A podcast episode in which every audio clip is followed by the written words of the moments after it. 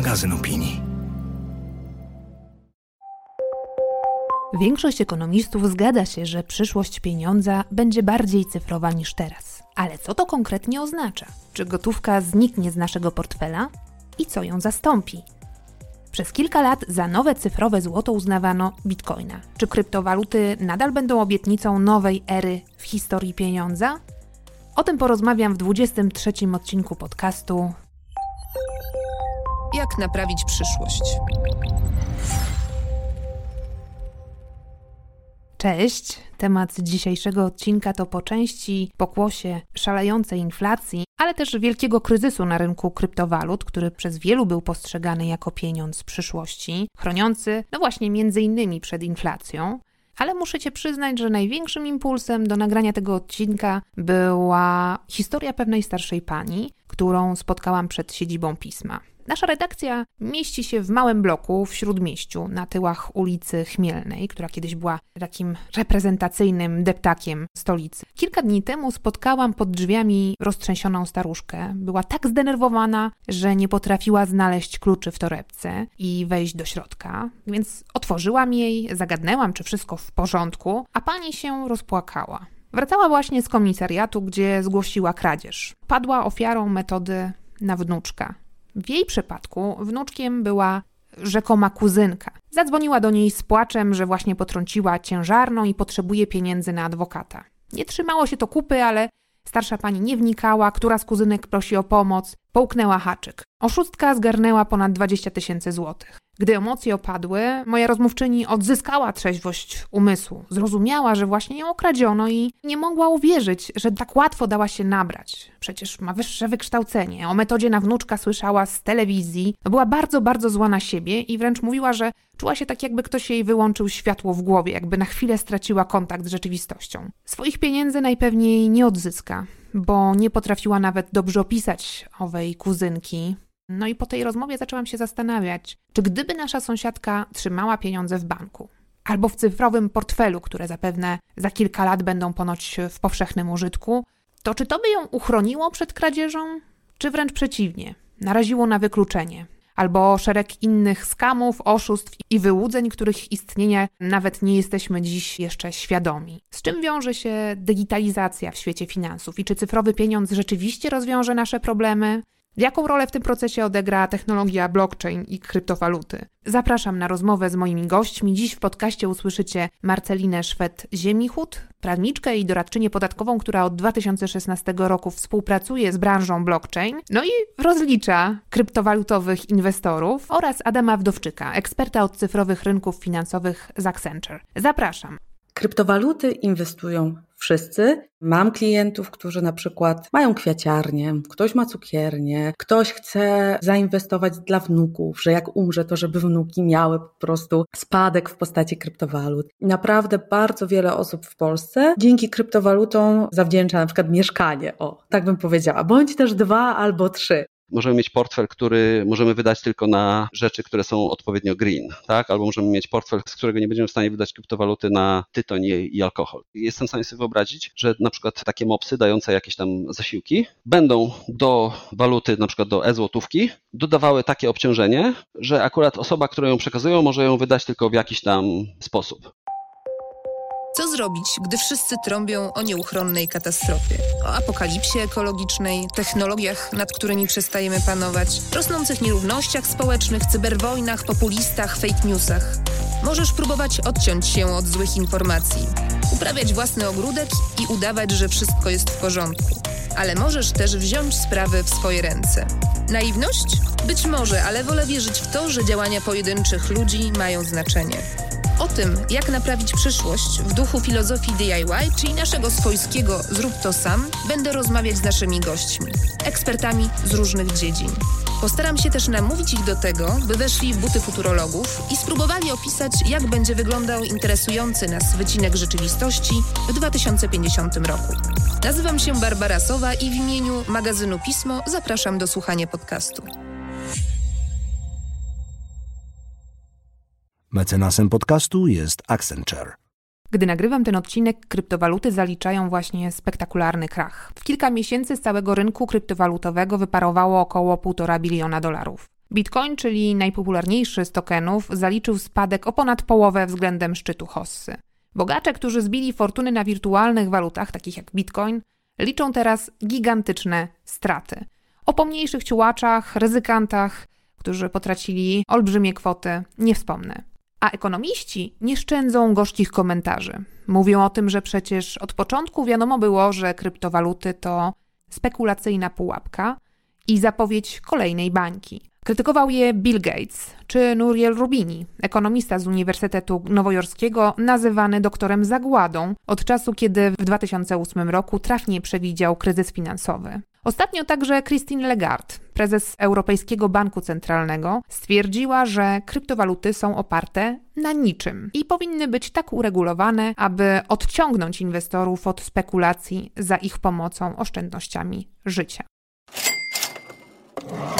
Najczęstsze argumenty przeciwko cyfrowemu złotu skupiają się na trzech elementach. Pierwszy to zagrożenie dla całego systemu finansowego i gospodarki. Drugim są problemy z cyberbezpieczeństwem. Trzecim zaś absurdalne zużycie energii. Szacuje się, że światowe wydobycie bitcoina, tak zwane kopalnie, kto ich nie widział, to polecam obejrzeć sobie nagrania w sieci, na YouTubie, które pokazują całe wielkie hale wypełnione huczącymi, pracującymi pełną parą komputerami, bo tak dziś wygląda ten biznes. Światowe wydobycie bitcoina zużywa tyle prądu, ile jeden kraj, taki jak chociażby Polska. Poziom marnotrawstwa jest więc olbrzymi. Jedna transakcja bitmonetą zużywa 330 tysięcy razy więcej energii niż użycie karty kredytowej. No i z tego punktu widzenia kryptowaluty nie tylko nie są żadną innowacją, ale wręcz regresem. Ale to nie znaczy, że kryptowaluty można dziś zignorować. Bitcoin oraz jego młodsi bracia i siostry dały impuls do zmian w światowym systemie finansowym. Wytyczyły kierunek rozwoju, więc abstrahując od tego, co się dzieje obecnie na tym rynku, no nie ma wątpliwości, że kryptowaluty i technologia typu blockchain, na której opiera się cały system, to jest ogromna rewolucja. Co to takiego blockchain? Posłuchajcie, jak tłumaczy to Alek Tarkowski w tekście o NFT, jaki opublikowaliśmy w styczniowym numerze pisma. Blockchain to z kolei system przechowywania danych w sposób trwały, niepodważalnie wiarygodny, a jednocześnie całkowicie rozproszony i pozbawiony centralnej władzy. Blockchain, czyli łańcuch bloków, to system powiązanych rekordów, z których każdy, dzięki zaawansowanej matematyce, gwarantuje wiarygodność poprzedniego. Robi to w sposób iście magiczny, bo pozbawiony ingerencji jakiejkolwiek instytucji weryfikującej, gwarantującej prawdziwość zapisanych danych. Nie istnieje więc bank, system nadzoru finansowego, system praw finansowych czy globalnych instytucji, który pełniłby kontrolę nad tą technologią. W przypadku opartych na blockchainie kryptowalut, żadna rada nie ustala więc poziomów inflacji, stóp zwrotu czy opłat. Wiarygodność tych cyfrowych bytów opiera się na współpracy rozsianych po całym świecie programistów, sile algorytmu i całkowitej decentralizacji. Link do tekstu Alka Tarkowskiego znajdziecie w opisie podcastu. Mam też dla Was niespodziankę, bo na hasło JNP 2050 będziecie mogli kupić taniej roczną prenumeratę pisma z dostępem online. Żeby czytać nie tylko ten, ale i inne teksty bez ograniczeń. Wystarczy wpisać kod JNP 2050 na stronie magazynpismo.pl prenumerata, no i gotowe. Wracając do kryptowalut to m.in. kompletna decentralizacja, uniezależnienie się od systemu, brak kontroli sprawiły, że kryptowalutom rosła armia powierników. Zwłaszcza na początku bardzo dużą grupę stanowili tu zwolennicy takiej pieniężnej gerilli, uniezależniania się od rządów, które chcą kontrolować każdy nasz krok i stale psują swoje pieniądze, bez opamiętania je drukując. Zresztą posłuchajcie, co na temat dotychczasowego systemu i jego przedstawicieli mówił Max Kaiser, bardzo ekscentryczny publicysta i inwestor na rynku kryptowalut. Ostrzegam, będzie głośno i szybko. Wall Street to oszuści, Ameryka to oszustwo, świat to oszustwo, banki centralne to oszuści. Żyjemy w erze oszustwa. Wszystko jest oparte na oszustwie, od tego pobierają procent, to ich model biznesowy. Sugerowanie, że jest w tym cokolwiek etycznego czy moralnego, dowodzi naiwności. Żyjemy w erze zdominowanej przez finansowych terrorystów. Dżihadystów bankowości. Są tu po to, żeby cię zabić i samemu zginąć. Nie zależy im, bo są trenowani przez medresy takie jak Princeton, Harvard czy Yale. Zamiast w Koran wierzą w Adama Smitha, którego błędnie odczytali i którym chcą uzasadnić swoje samounicestwienie. Koszty samounicestwienia są niewielkie.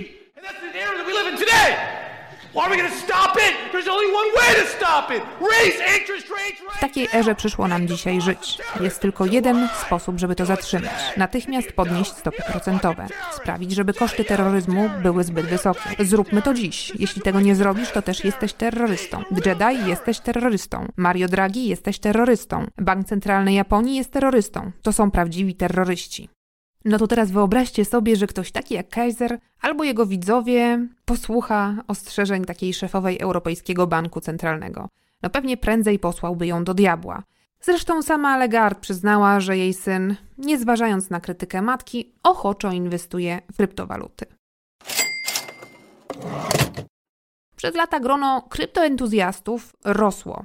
Byli tacy, których pociągała antysystemowość i naiwna wiara w to, że kryptowaluty uniezależnią swoich właścicieli od zepsutego świata globalnych finansów. Innych kusiła bardziej perspektywa dużego zarobku. I nieważne, że w ciągu doby wycena coina, czyli danej kryptowaluty, potrafi się zmieniać nawet o kilkadziesiąt procent. Ważne, że wykonywane na nich operacje oferowały niespotykane stopy zwrotu. A kiedy kryptowaluty zaczęto traktować poważnie w świecie finansów? O to zapytałam Adama Wdowczyka, eksperta od cyfrowych rynków finansowych z Accenture. Pierwszym takim momentem, w którym wydaje się, że bankierzy centralni zaczęli zwracać uwagę na kryptowaluty w jakiś bardziej poważny sposób, była zapowiedź Facebooka, że wytworzy swoją własną kryptowalutę Libra, która będzie praktycznie każdy użytkownik Facebooka będzie automatycznie miał portfel kryptowalutowy, w którym będzie Libra, którą będzie mógł przesyłać do każdego innego użytkownika Facebooka, bez pośrednictwa żadnych banków czy organizacji zajmujących się przetwarzaniem płatności, bez względu na to, w jakiej jurysdykcji są ci użytkownicy. Tam wytworzyło się konsorcjum kilkudziesięciu firm, właśnie była Visa, PayPal, wszyscy na początku się na to rzucili. Natomiast wydaje mi się, i teraz nie, nie lubię teorii spiskowych, ale wydaje mi się, że mimo wszystko się zreflektowali, że to niekoniecznie jest dobry pomysł, żeby oddać jednemu gigantowi technicznemu kontrolę nad płatnościami miliarda ludzi potencjalnie na całym świecie. W związku z tym ten projekt w jakiś sposób został zarzucony, można powiedzieć. Facebook pracuje nad swoją walutą, która się teraz nazywa Diem. I ma to być waluta, która będzie na pewno napędzała ich metaverse, nad którym pracują. Drugi moment to był fakt znacznego wzrostu kapitalizacji i znaczenia tak zwanych stablecoinów, czyli kryptowalut, które są zaprojektowane w taki sposób, aby zachowały stabilną wartość, zwykle w jakiś sposób związaną z albo walutą, walutą fiducjarną. Są stablecoiny, które starają się śledzić na przykład cenę złota. W 2022 stablecoiny wzrosły ich kapitalizacja prawie stukrotnie. Stablecoiny dolarowe zwiększają zasób dolara na świecie w sposób, który pozostaje poza kontrolą banku centralnego, czyli Fedu amerykańskiego. Z tego wynika, to, że po pierwsze osłabiają możliwość kontrolowania podaży pieniądza przez bank centralny amerykański, po drugie umożliwiają de facto korzystanie z dolara, dolaryzację różnych gospodarek, które niekoniecznie bank amerykański normalnie chciałby utrzymywać z nimi kontakty handlowe w jakiś sposób. Przestraszyli się właśnie po pierwsze z braku kontroli nad swoimi, tak jak mówiliśmy, nad swoją polityką monetarną, ale przestraszyli się też odpływu gotówki z banków w kierunku ekosystemu cyfrowego, który będzie po prostu żył w sobie. I teraz na razie nie da się żyć całkowicie cyfrowo płacąc za wszystko tylko kryptowalutami, albo prawie się nie da. Natomiast to jest kwestia, powiedzmy, takiego efektu skali czy efektu sieciowego, tak? Z tym banki też przestraszyły się, że, że nie przyjrzą się tej innowacji, nie spróbują zrobić swojej innowacji związanej z ekosystemami walut cyfrowych, to po prostu zostaną w tyle. I teraz ja już nie mówię o takich nawet najprostszych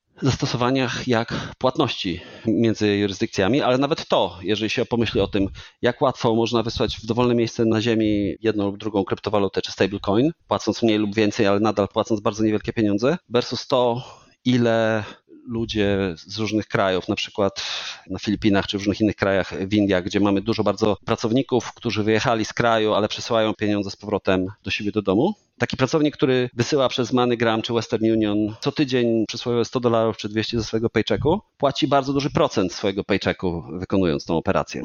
I dlatego powstają różne alternatywne e, sposoby rozwiązywania tego. Należy zauważyć, że dużo takiej innowacji w ostatnich czasach widzieliśmy na przykład w Afryce, gdzie M-Pesa i generalnie płatność na numer telefonu i numery telefonów związane z, z kontami bankowymi jest to coś, co bardzo prężnie się rozwija i pozwala im w miejscach, które de facto nie mają takiej, powiedzmy, standardowej infrastruktury finansowej, nadal mieć dostęp do usług finansowych takich jak szybkie przesyłki pieniędzy czy nawet pożyczki. Neja Nerula, dyrektorka Digital Currencies Initiative w MIT, już 6 lat temu zapowiadała, że kryptowaluty są pierwszym krokiem do świata z globalną, programowalną walutą. A w świecie z programowalnym pieniądzem można wszędzie bezpiecznie płacić, bez konieczności podpisywania czegokolwiek czy pytania o zgodę. Bez dokonywania wymiany i bez obawy o zablokowanie pieniędzy. Mogę wysyłać pieniądze na cały świat.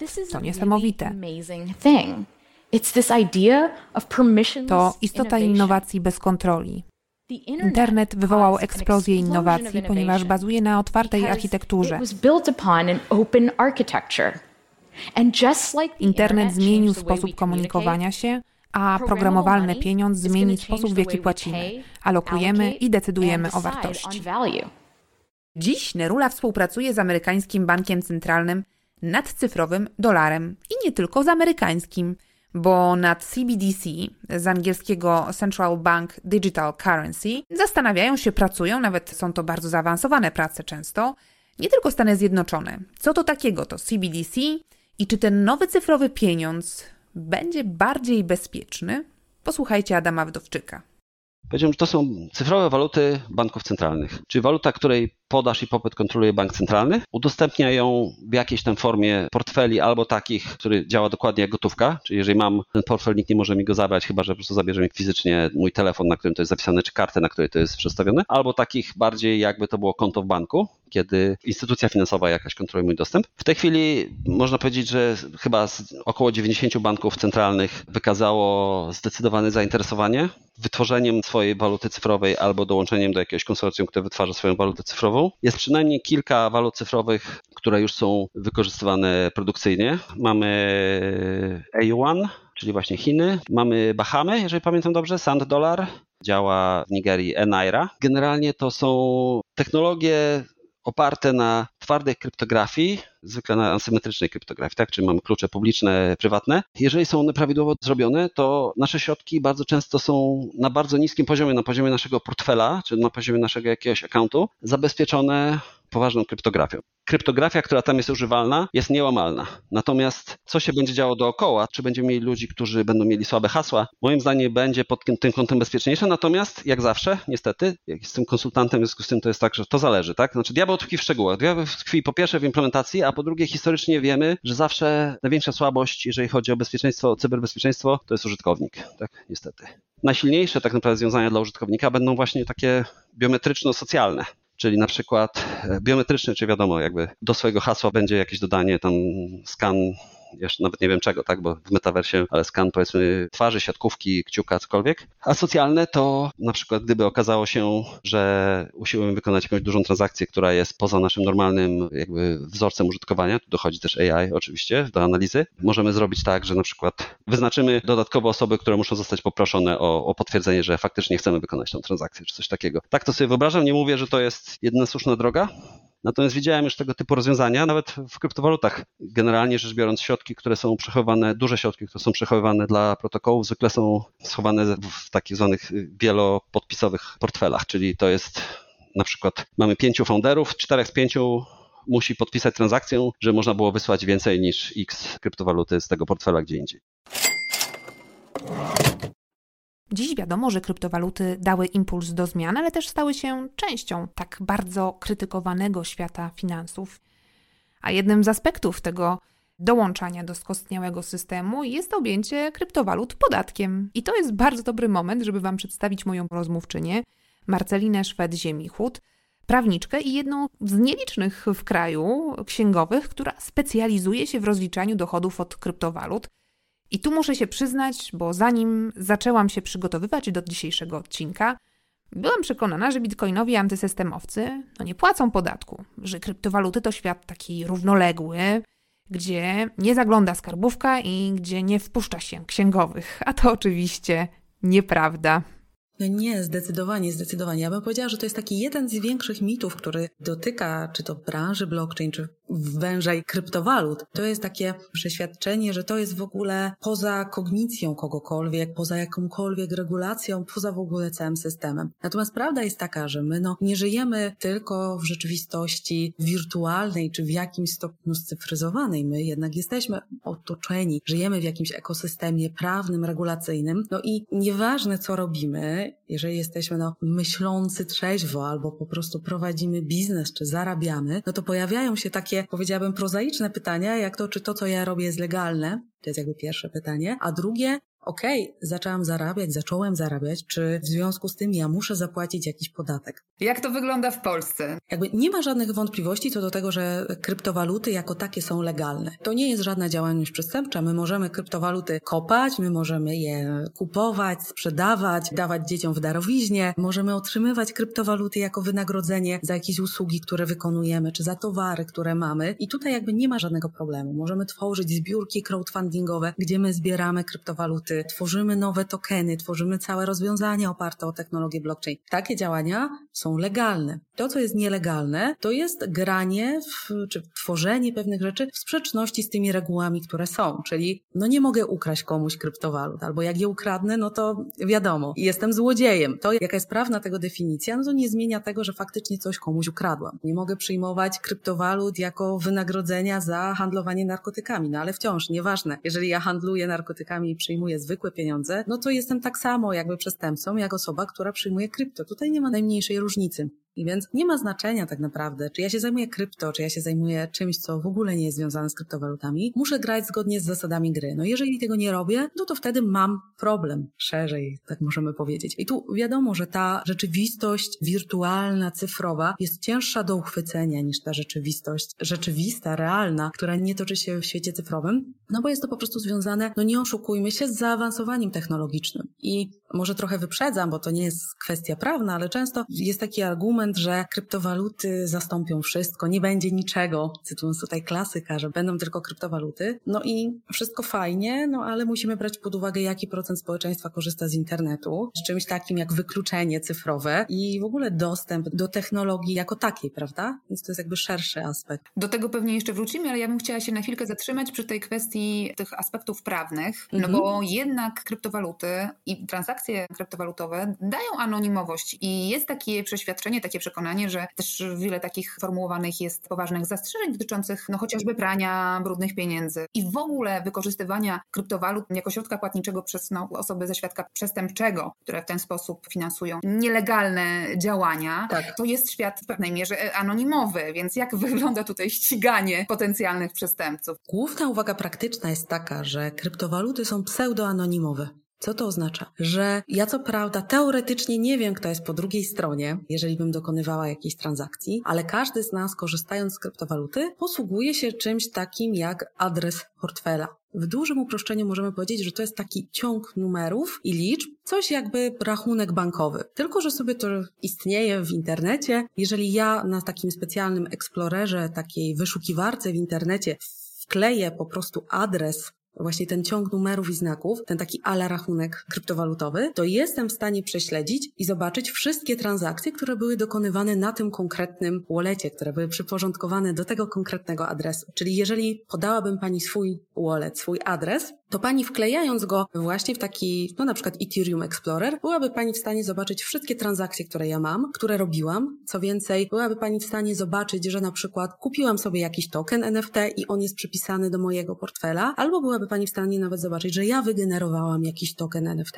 i go jakby gdzieś tam potem upłynniłam, sprzedałam i korzystając z narzędzi informatycznych, byłaby pani w stanie zasadniczo prześledzić wszystko, co ja zrobiłam z tymi kryptowalutami, które akurat są na tym konkretnym wallecie. Więc to jest pseudoanonimowość Jeżeli będzie Pani w stanie połączyć mnie, Marcelinę, z tym konkretnym adresem, no to de facto wie Pani wszystko, co ja zrobiłam. Oczywiście to jest dosyć duże uproszczenie, bo w systemie są różne miksery, które gdzieś tam pomagają pewne środki przekazywać bez właśnie takiego super łatwego, prostego sprawdzenia. Mamy oczywiście wiele blockchainów, no bo mamy blockchain Bitcoina, mamy blockchain Ethereum, Solane, różne właśnie inne ekosystemy, jeżeli mogę tak powiedzieć, inne blockchainy. Więc to prześledzenie przelewów, ewentualnych konwersji pomiędzy jednym krypto na drugie, z korzystaniem z różnego rodzaju bridge i takich przejść pomiędzy tymi blockchainami, no też nie jest jakby takie zero-jedynkowe, prawda, że każdy sobie to w stanie jest zrobić, no bo tak jak mówię, bariera technologiczna jakaś jest. Natomiast organy państwowe, zwłaszcza organy ścigania, są w stanie to zrobić zrobić i są w stanie pewne rzeczy prześledzić. Jeżeli dowiedzą się, że na przykład ten konkretny wallet jest mój, no to wiedzą, są w stanie zobaczyć, co ja w tym systemie zrobiłam. I będzie im się właściwie świeciło, że Marcelina kupiła, sprzedała, kupiła, sprzedała,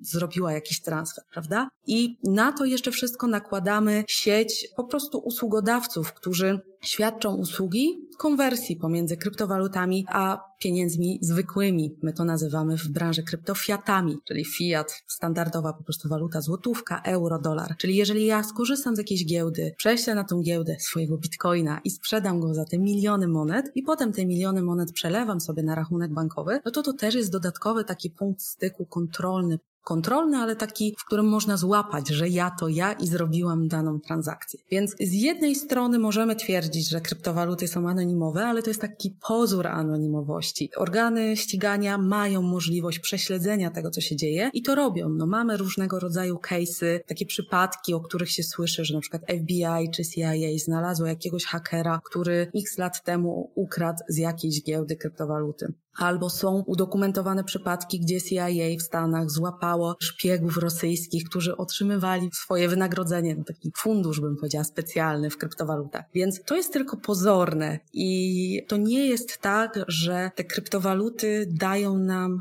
stuprocentową anonimowość, nie pozwalają w ogóle prześledzić tego, co się dzieje z tymi wirtualnymi środkami. Więc to jest taka ułuda, bym powiedziała. Oczywiście technologicznie będzie to, trzeba wykonać jakąś pracę, żeby to zrobić, natomiast to nie jest nie do zrobienia i przy posiadaniu odpowiedniej technologii wszystko jest do zrobienia. I powiem szczerze, w większości przypadków i tak tutaj najsłabszym ogniwem jest czynnik ludzki, który gdzieś o czymś zapomni, tu coś zrobi jakąś transakcję, tu gdzieś zapłaci coś i po prostu i tak coś wypłynie. Czy kryptowaluty są wykorzystywane przez przestępców?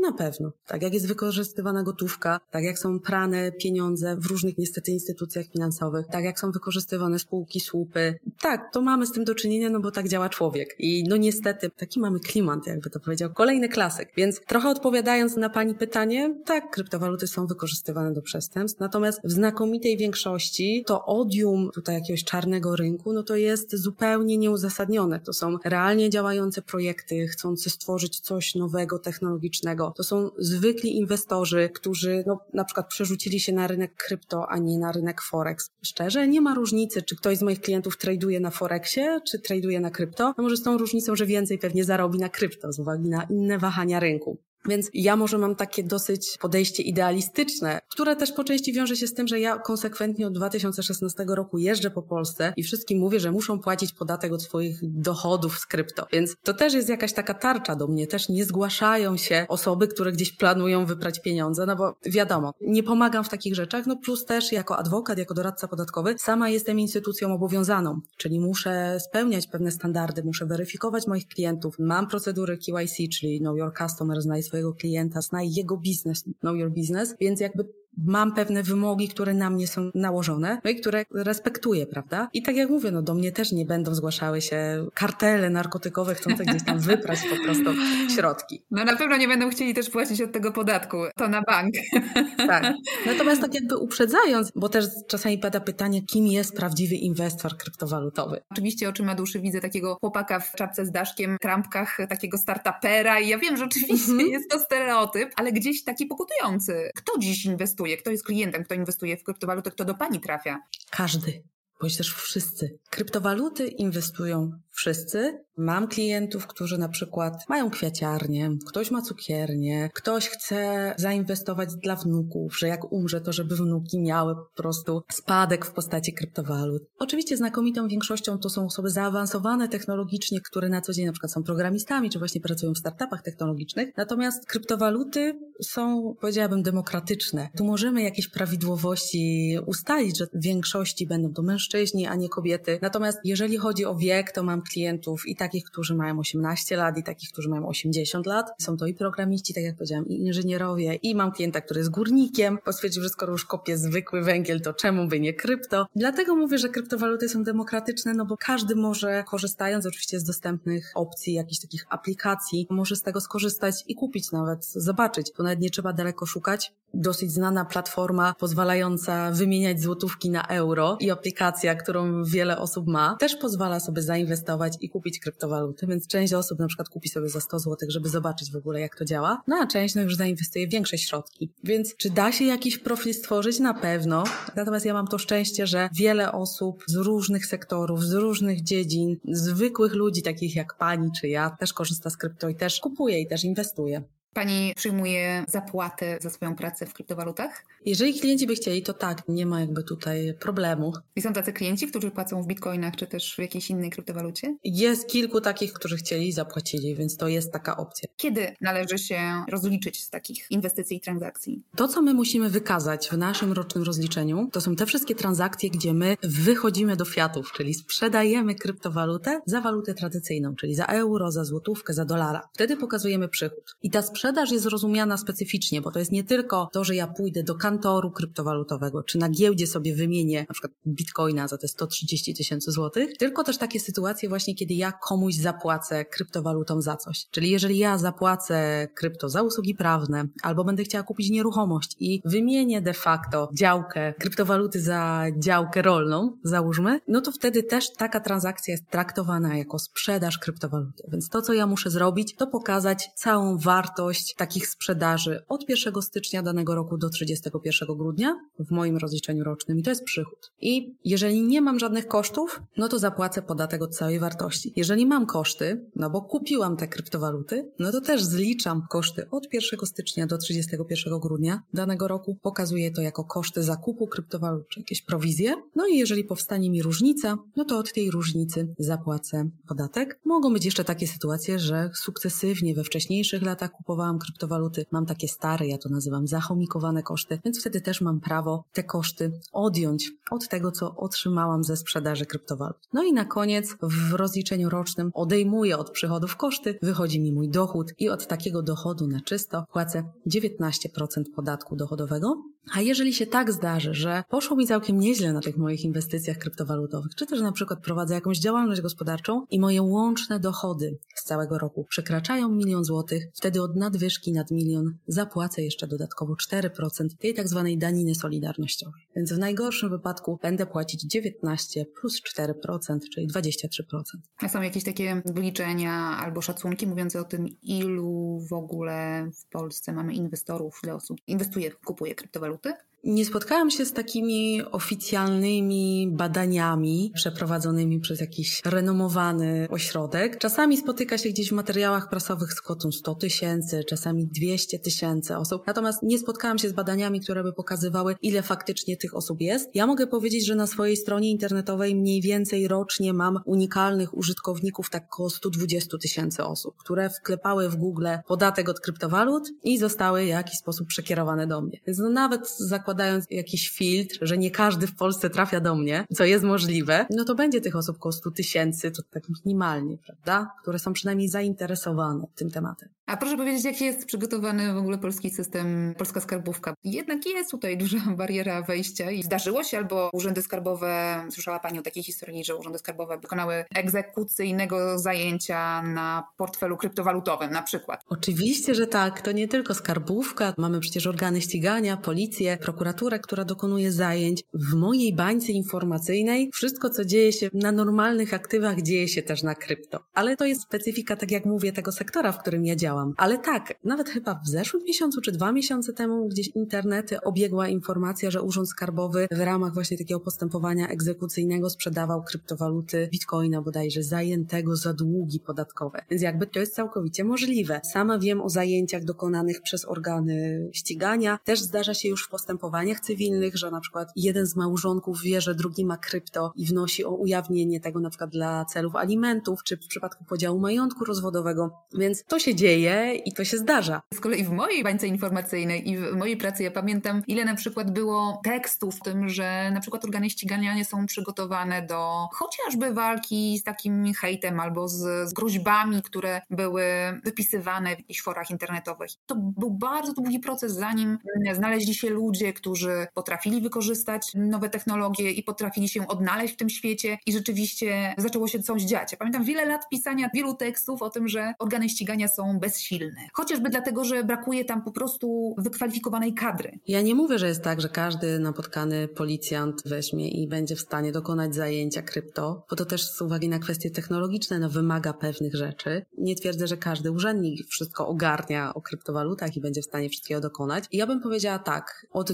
1 stycznia 2019 roku tam gdzie mówimy o podatkach, mamy specjalne zasady dotyczące opodatkowania transakcji kryptowalutowych. Więc organy skarbowe jako takie są wyposażone w taki podstawowy aparat, jakim są przepisy. Wiedzą w jaki sposób do tego podejść, zasadniczo wiedzą, wiedzą jak to opodatkować, na jakich zasadach, co człowiek musi zrobić, co musi pokazać urzędowi skarbowemu, w jaki sposób wykazać dane transakcje. Więc mamy punkt wyjścia. Natomiast no nie ukrywam, że w praktyce, jeżeli zdarzają się pytania ze strony strony Urzędu Skarbowego, no to piłka jest po naszej stronie. Po naszej stronie jest to, żeby wytłumaczyć urzędowi, co my dokładnie robiliśmy, na czym dokładnie zarabialiśmy, skąd te pieniądze się wzięły. No i po prostu musimy to zrobić. No oczywiście możemy podchodzić tak, że ha, ha, ha, ty urzędniku nie wiesz, co to jest, no ale to nie o to chodzi, prawda? Na koniec dnia, czy się mówi ładnie z angielskiego, at the end of the day, wszyscy gramy do tej samej bramki. Ja chcę mieć święty spokój i wszystko wyjaśnić w urzędzie skarbowym, a urzędnik też chce mieć zamkniętą sprawę, prawda? I już gdzieś tam nie wnikać. Więc pod tym kątem, no nie spotkałam spotkałam się z tym, żeby polskie urzędy dysponowały narzędziami analitycznymi pozwalającymi weryfikować po prostu prawidłowość przedstawionych danych. Nie słyszałam też, żeby był jakiś przetarg i żeby organy korzystały z dostępnych narzędzi, takich liczących dochody z krypto. Jednak bazują na dokumentacji przedstawionej przez nas samych i ewentualnie, jeżeli mają jakieś problemy, pytania, czy są jakieś wątpliwości co do kwalifikacji pewnych zdarzeń, no to tutaj będziemy dyskutować. Tak naprawdę myślę, że ten rok, który teraz nadchodzi i następne, one będą takie przełomowe. Dlaczego? Bo końcówka 20 roku i rok 2021 to były naprawdę gigantyczne dochody na kryptowalutach. I też oczywiście gdzieś tam nie zdradzając jakiejś informacji, ale naprawdę bardzo wiele osób w Polsce dzięki kryptowalutom zawdzięcza na przykład mieszkanie. O, tak bym powiedziała. Bądź też dwa albo trzy, tak już mówiąc między nami. Z takiej mojej perspektywy ten rok 21 będzie przełomowy, kiedy organy tak naprawdę mam wrażenie będą w stanie na podstawie przedstawionych danych zobaczyć, co tam się stało i o czym my mówimy. Dodatkowo te nasze polskie przepisy zakładają taki obowiązek, niby to obowiązek, niby nie, ale zgodnie z tymi przepisami, jeżeli ja tylko nawet kupuję kryptowaluty, to rok do roku stwierdzam, że mam taką strategię inwestycyjną, nie wiem, co miesiąc będę 500 plus swojego dziecka ładowała w krypto i kupowała kryptowaluty sukcesywnie, to nawet w takiej sytuacji ja na koniec roku powinnam złożyć zeznanie podatkowe, w którym pokażę, w tym roku kupiłam krypto za 6 tysięcy. Nic nie sprzedałam, ale kupiłam, mam koszt 6 tysięcy. I te koszty powinnam co roku pokazywać, przenosić i dopiero w momencie, w którym już sprzedam sobie te swoje kryptowaluty, wtedy będę mogła je rozliczyć. Więc nawet już ten taki obowiązek pokazywania tych moich kosztów, on już będzie dawał urzędom skarbowym jakąś informację. Będzie pokazywał, ile osób w swoim rocznym zeznaniu te PIT złożyło. No teraz jeszcze jest za wcześnie na to, żeby wyciągać jakieś wnioski, ale oczywiście można spróbować uzyskać jakieś informacje z Ministerstwa Finansów, na przykład ile osób złożyło PIT 30 38, w którym wykazało cokolwiek dotyczącego krypto, jakieś transakcje kryptowalutowe. Więc jest możliwość zrobienia czegoś takiego. To oczywiście pole dla dziennikarzy czy naukowców. Wyślę takie pytanie, nie wiem czy dostanę odpowiedź przed publikacją tego odcinka, ale z samej ciekawości myślę, że to bardzo ciekawa informacja i pozwalająca też zobaczyć, ile osób tak naprawdę inwestuje i w ogóle wchodzi w ten rynek. Bo w ogóle dzisiaj, gdy rozmawiamy o kryptowalutach, no to raczej mówimy o dużym dołku. Ten kryzys, nawet porównywany z upadkiem Lehman Brothers, ostudził zapał i w tej sytuacji dzisiaj pewnie mało kto zadaje sobie pytanie, czy kryptowaluty to pieniądze przyszłości, ale ja pamiętam taki moment, przez wiele lat kryptowaluty były nazywane wręcz nowym cyfrowym złotem i nie brakowało takich głosów, że rynek bitcoina, kryptowalut będzie nie tyle alternatywą w stosunku do konwencjonalnych walut, ale ich zastąpi. Jak Pani zdaniem kryptowaluty i w ogóle technologia blockchain wpłynie na przyszłość pieniądza w najbliższych dekadach? Co ta technologia zmieni? Co ta technologia namiesza? No ta technologia na pewno namiesza wiele. Jakby same kryptowaluty pozwalają w pewien sposób odejść od tego pieniądza emitowanego przez banki centralne, przez państwa. Ja akurat jestem realistką, więc nie zakładam, że nie będzie dolara, nie będzie euro, nie będzie walut narodowych, że będzie tylko bitcoin. Jakby to chcieli widzieć bitcoinowi nowi maksymaliści, z uwagi po prostu na te wahania kursu bitcoina, jego podatność po prostu na pewne zdarzenia rynkowe, ale też w pewien sposób na korelację z chociażby kursem dolara, to pokazuje, że sam bitcoin jako taki no nie do końca spełnia tą definicję pieniądza. Można z niego korzystać, jest jakimś zamiennikiem, jest formą jakiegoś aktywa, które wykorzystujemy do płatności, natomiast ja bym nie szła aż tak daleko, twierdząc, że on wyprze te waluty, które mamy teraz i z którymi właśnie mamy do czynienia. No biorąc chociażby pod uwagę monopol państwa, musiałoby się coś zadziać takiego, że monopol państwa jako taki by upadł, państwowość by upadła, żebyśmy mieli po prostu jakiś system zupełnie oderwany od tego świata realnego. Aczkolwiek w tych krajach, w których państwo jest bardzo słabe, bądź też polityka monetarna jest słaba, kryptowaluty przejmują funkcję właśnie środka płatniczego. Mówimy tutaj o Afryce, mówimy tutaj o krajach Ameryki Południowej, gdzie no z uwagi na przykład na szalejącą inflację rzędu 40 50%. Łatwiej jest płacić krypto i aplikacjami, po prostu korzystać z apek kryptowalutowych, niż płacić w walucie narodowej. W niektórych krajach, tak jak widzę, zwłaszcza krajach Ameryki Południowej, bitcoin czy inne kryptowaluty, tak zwane stablecoiny, których wartość jest jeden do jednego powiązana z dolarem, wypierają często te przelewy standardowe, czy przelewy walutowe, co wynika po prostu z szybkości i też procedur. Przelewy dolara ze Stanów idą kilka dni, na przykład 3 4. W przypadku krypto one są w stanie iść w 5 minut, 15 minut bez jakiegoś większego obciążenia, więc to też z tym jest związane. No a część osób wybiera po prostu otrzymanie wynagrodzenia w krypto, no bo paradoksalnie w krótkich odstępach czasu, kiedy zdążymy wymienić krypto, no to jesteśmy bardziej bezpieczni niż posiadając po prostu walutę swojego kraju. No i tu mówię głównie o Ameryce Południowej, bo do tego się to sprowadza. Więc tam, gdzie państwowość jest słaba, polityka monetarna, jeżeli możemy tak powiedzieć, jest słaba, no to faktycznie kryptowaluty przejmują tą rolę rolę codziennego wykorzystania. Też w krajach, w których mówimy trochę o takim żabim skoku, gdzie może nie każdy ma komputer, ale każdy ma smartfon i w związku z tym może mieć jakąś aplikację służącą do płacenia, więc wtedy krypto będzie dla niego łatwe do wykorzystania. Więc w takich sytuacjach tak. Natomiast to, co w skali globalnej w moim odczuciu technologia blockchain zmieni jeszcze bardziej i zamiesza, to jest coś, co w skrócie określamy CBDC, czyli waluty takie, jak my je znamy, czyli dolar, euro, złotówka, z tym, że w warstwie technologicznej wyemitowane właśnie w technologii blockchain. Faktycznie są kraje, które testują, nawet w ramach Unii Europejskiej jest testowane, nazwijmy to blockchainowe euro, czy kryptowalutowe euro. No oczywiście tutaj przy spełnieniu takich typowych warunków prawnych, no kto może emitować i na jakich zasadach pieniądz w ogóle, więc to się dzieje. Natomiast no tutaj zmienia się jedynie, znaczy jedynie, zmienia się warstwa technologiczna, że mamy de facto pieniądz elektroniczny wyemitowany na platformie przy wykorzystaniu technologii blockchain, Natomiast to zmienia całkowicie zasady gry w tym znaczeniu, że jeśli będziemy mieli pieniądz wyemitowany w technologii blockchain, to Urząd Skarbowy będzie w stanie prześledzić aż od momentu wydania takiego pieniądza, kto korzystał z tego pieniądza, komu co przesłał, kiedy, dokładnie z określonym znacznikiem czasu i to będzie tak naprawdę niezaprzeczalne. Tutaj blockchain jako taki ma to do siebie, że jeżeli jest wdrożony odpowiednio, no to jest niezaprzeczalny i złamanie jakby tego kodu przy aktualnych uwarunkowaniach technologicznych, no jest tak naprawdę nie do zrobienia. Nie mamy komputerów kwantowych. Ja już widzę tych użytkowników, którzy będą krzyczeć, no i właściwie słusznie, no bo dzisiaj myślę, że w dzisiejszych czasach, kiedy widzimy, jak bardzo ważne jest zachowanie prywatności, to będą krzyczeć, no nie, no ja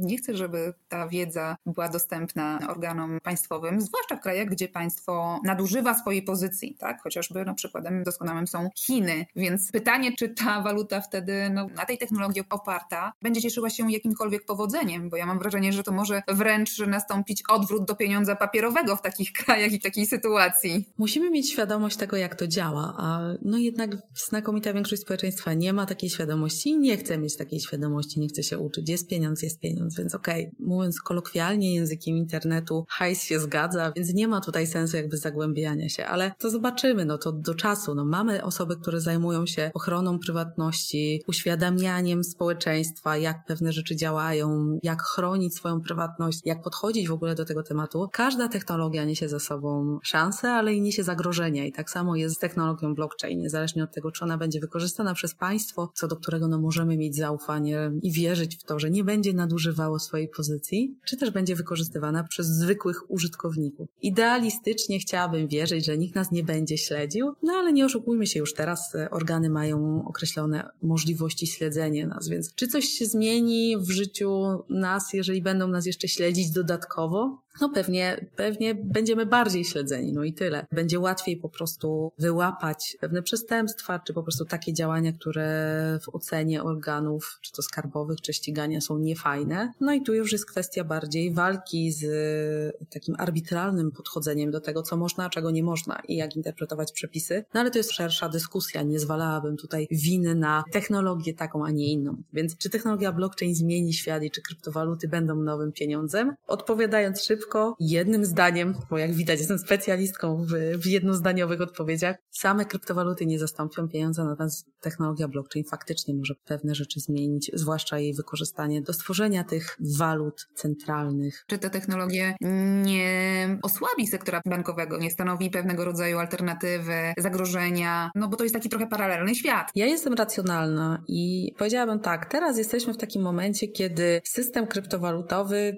wstał, otrzepał się z kurzu i stwierdził, chcę prowadzić biznes, no nie da się tego robić bez realnej gospodarki, bez regulacji i system kryptowalutowy jest elementem szeroko pojętego systemu finansowego aktualnie. Nie da się prowadzić legalnie biznesu kryptowalutowego bez spełnienia niektórych regulacji, chociażby z zakresu AML-u, czyli przeciwdziałania praniu pieniędzy i finansowaniu terroryzmu. W niektórych sytuacjach jest też wymagane w niektórych krajach posiadanie licencji czy jakichś zezwoleń na prowadzenie działalności. Aktualnie jesteśmy na takim etapie, gdzie, i ja to też tak oceniam, że kryptowaluty no, są już mainstreamem, są jakimś elementem szerzej rozumianego rynku kapitałowego i rynku finansowego i one już z nami zostaną w tej czy innej postaci, one zostaną. Więc instytucje krypto czy firmy zajmujące się krypto zachowują się tak samo jak firmy inwestycyjne, firmy szerzej zarządzające środkami. Więc tutaj tak naprawdę wchodzimy w te same schematy, w bardzo podobne regulacje. I ja wiem, że niektórzy chcieliby widzieć to trochę tak anarchistycznie, że to jest oderwanie się od systemu, ale tak jak mówię, ja jestem realistą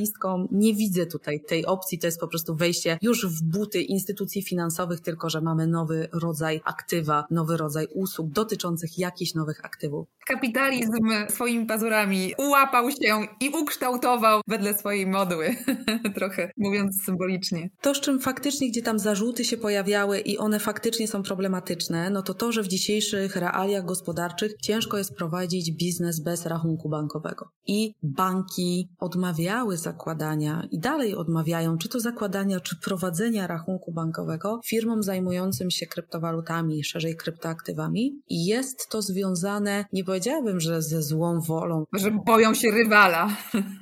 tak, rywala, bo no nie oszukujmy się, jakby, przepraszam, że to powiem, będę brutalna, ale firmy kryptowalutowe no nie stanowią realnego zagrożenia na przykład dla domu maklerskiego. I ta odmowa, czy to prowadzenia rachunku bankowego, czy w ogóle nawet rozmów z firmami kryptowalutowymi, ona jest powodowana oceną ryzyka w zakresie prania pieniędzy dokonywaną przez banki i inne instytucje finansowe. One mogą sobie pozwolić na to, żeby powiedzieć, nie chcę z tobą robić biznesu, bo uważam, że ty żyjesz i świadczysz swoje usługi w tak ryzykownej działce biznesu, że ja nie chcę w jakiś sposób partycypować w twoim ryzyku, brać go na siebie. I uznają, że ich ryzyko tutaj jest tak duże, że oni nie chcą, że bank na przykład nie chce współpracować z danym podmiotem. Oczywiście uprzedzając, zwykli inwestorzy nie mają się czego bać, te rachunki bankowe nie są im wypowiadane. Można śmiało z nich skorzystać, natomiast można się spodziewać dodatkowej weryfikacji, dodatkowego telefonu z banku, z działu właśnie compliance czy AML-owego z prośbą o potwierdzenie, czy ktoś chciał dokonywać danej transakcji. I wciąż wynika to po części z kwestii AML-owych, a po drugie niestety z bardzo dużą skalą oszustw, które także dotyczyły kryptowalut. Tak zwanych oszustw na bitcoina, gdzie ktoś do nas dzwonił, mówił przelej 10 tysięcy złotych, zarobisz 50 i tutaj jest legalna platforma. To oczywiście upraszczam, ale tak to wyglądało. I no niestety bardzo wiele osób padło ofiarą takiego oszustwa, czy też nawet padło ofiarą takich szerszych phishingów, wyłudzeń tożsamości i to wszystko było powiązane z krypto, więc teraz znakomita większość banków z uwagi właśnie na tą falę oszustw ma dodatkowe procedury weryfikacyjne właśnie w przypadku przelewów na i z giełdę kryptowalutową.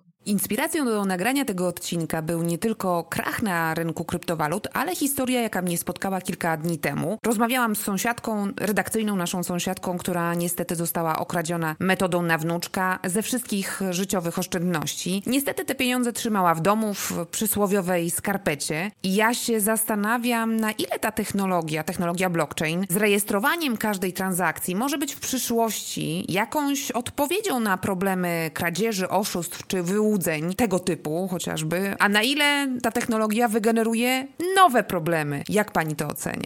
Ja cały czas uparcie wracam do tego, że to, co się dzieje w świecie nie krypto, dzieje się analogicznie w świecie krypto. Czyli nieważne, czy my mówimy o pieniądzach zwykłych, oszczędnościach zwykłych, czy my mówimy o kryptowalutach jako takich, my mamy podobne scenariusze. Więc mamy wyłudzenia na wnuczka, wyłudzenia na policjanta, wyłudzenia na pracownika KNF-u, czyli Komisji Nadzoru Finansowego. I tu są po prostu podwarianty. Może być wariant dotyczący fiatów, zwykłych pieniędzy i wariant dotyczący krypto. No i niestety mamy taką specjalizację. No, w fiatach, czyli w standardowych pieniądzach specjalizują się osoby z określonej grupy etnicznej. Głównie, no niestety mamy mafie romskie czy mafie niemieckie, które się w tym specjalizują, a w wyłudzeniach na krypto, no mamy niestety sąsiadów ze wschodu, czy to bardziej na wschód, czy bliżej. I tak to działa. Więc mamy czy to wyłudzenia na właśnie na bitcoina, czy to wyłudzenia na wnuczka. One bardzo podobnie często działają. Tak samo mamy różnego rodzaju wyłudzenia na forex, wyłudzenia na opcje binarne, wyłudzenia na inwestycje w jakieś filmy. Czego byśmy sobie nie wyobrazili, one podobnie działają. No i możliwość odzyskania niestety środków jest bardzo zbliżona. I powiem tak, jeżeli bank nie zadziała,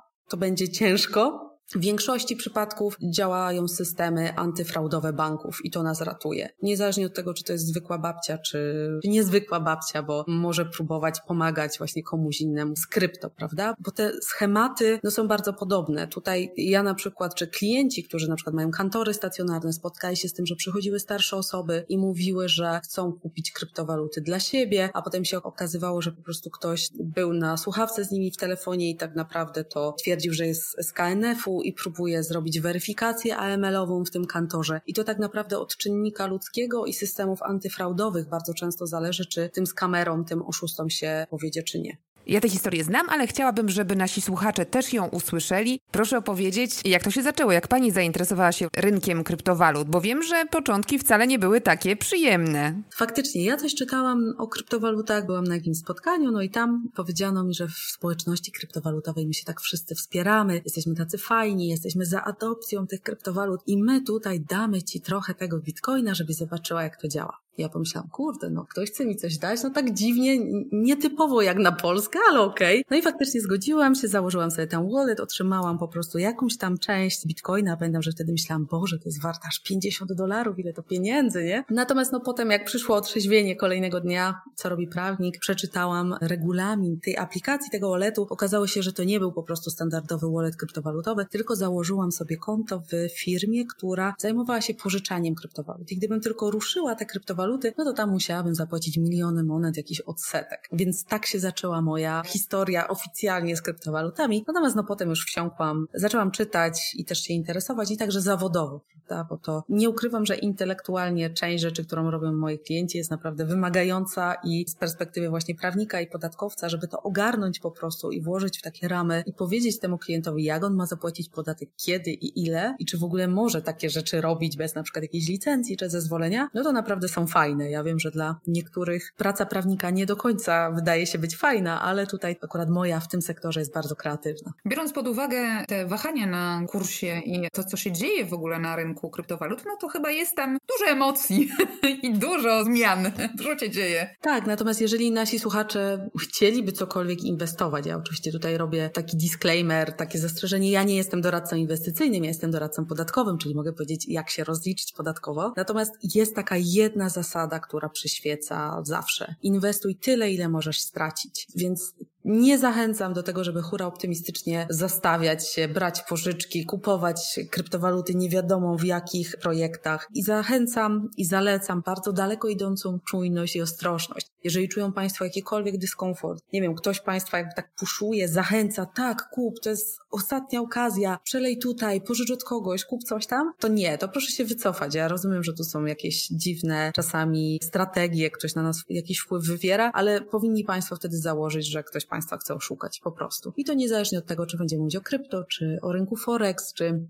o opcjach binarnych, czymkolwiek one by nie były, czy inwestycją w najnowszy film. Nie klikajmy w dziwne linki, nie podejmujmy rozmów z dziwnymi ludźmi z internetu, nie róbmy takich rzeczy. No i myślę, że jest to najlepsze podsumowanie i najlepsze zakończenie naszej rozmowy. Bardzo, bardzo, bardzo serdecznie dziękuję. Ja też bardzo dziękuję za zaproszenie i mam nadzieję gdzieś do zobaczenia i usłyszenia. Jak naprawić przyszłość? Temat pieniądza, waluty przyszłości żyje nie tylko w dyskusjach ekonomistów, ale jest też obecny w popkulturze i literaturze science fiction. Co najmniej 50 lat przed wymyśleniem kart kredytowych lub debetowych, pisarz Edward Bellamy opisał społeczeństwo bezgotówkowe w swojej powieści Patrząc wstecz. Napisał, że te karty całkowicie zapobiegną normalnym transakcjom biznesowym, a państwo da każdemu hojny dodatek do wydawania pieniędzy. Ciekawy koncept waluty przyszłości pokazał też twórca mojego ulubionego cyklu Black Mirror. Bohaterowie jednego z odcinków tej dystopijnej serii są wynagradzani punktami za jazdę na rowerku do ćwiczeń i wytwarzanie w ten sposób energii. Nie ma wątpliwości, że przyszłość pieniędzy to digitalizacja.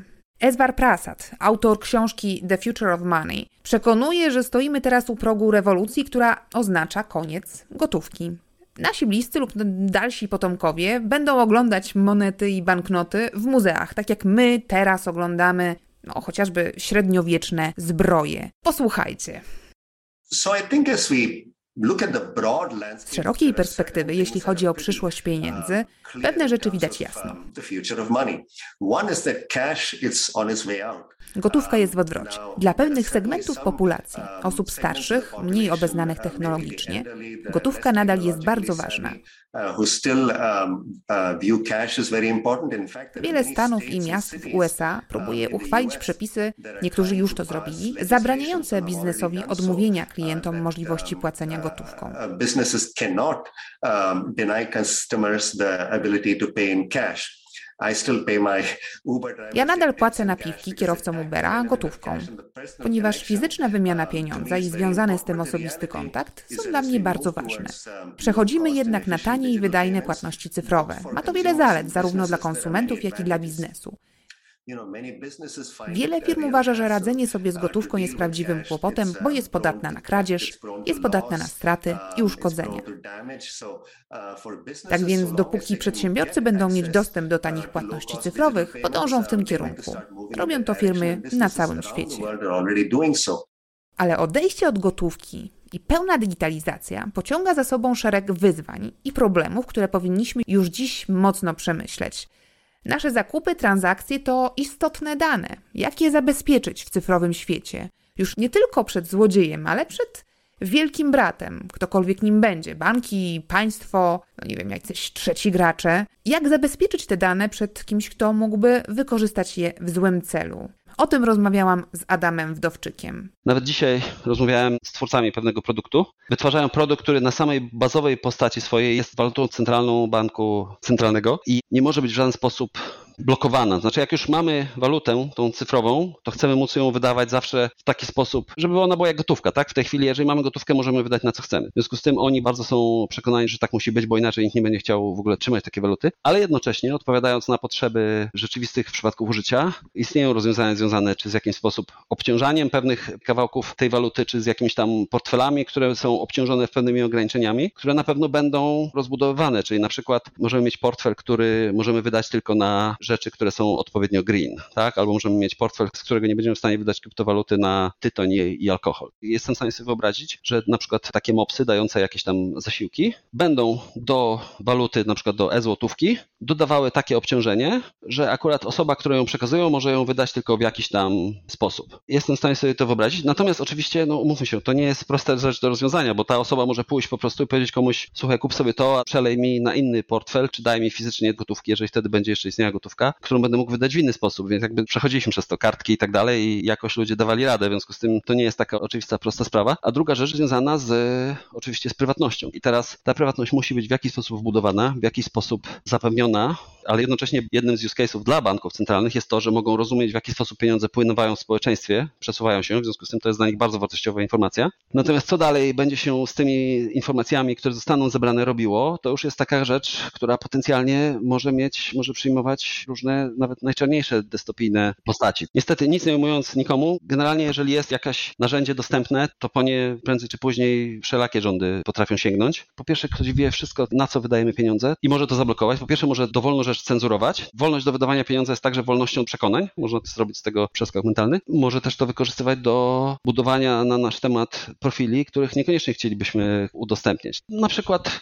dla naszego zdrowia fajnie by było, gdybyśmy było wiadomo, kto na co wydaje pieniądze, żeby można było wcześniej wysyłać lekarzy do ludzi, którzy kupują dużo alkoholu, słodyczy i papierosów na przykład. Ale jednocześnie może na przykład jeżeli komuś pojawia się jakaś choroba, to powiemy, że nie może na to wydawać pieniędzy, a jeżeli nadal będzie na to wydawał pieniądze, to może na przykład podniesiemy mu składkę zdrowotną. Można dowolne scenariusze związane z kontrolą w ten sposób budować w swojej głowie. To nie jest tak, że nagle ktoś przyjdzie, oddawajcie gotówkę, macie tutaj tą walutę, nie możecie wydawać na cukierki. Myślę, że to jest, mówimy o ewolucji.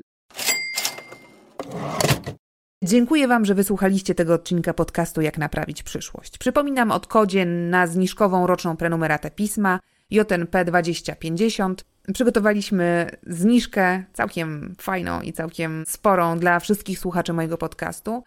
No i zapraszam Was za miesiąc. Trzymajcie się ciepło. Do usłyszenia. Jak naprawić przyszłość?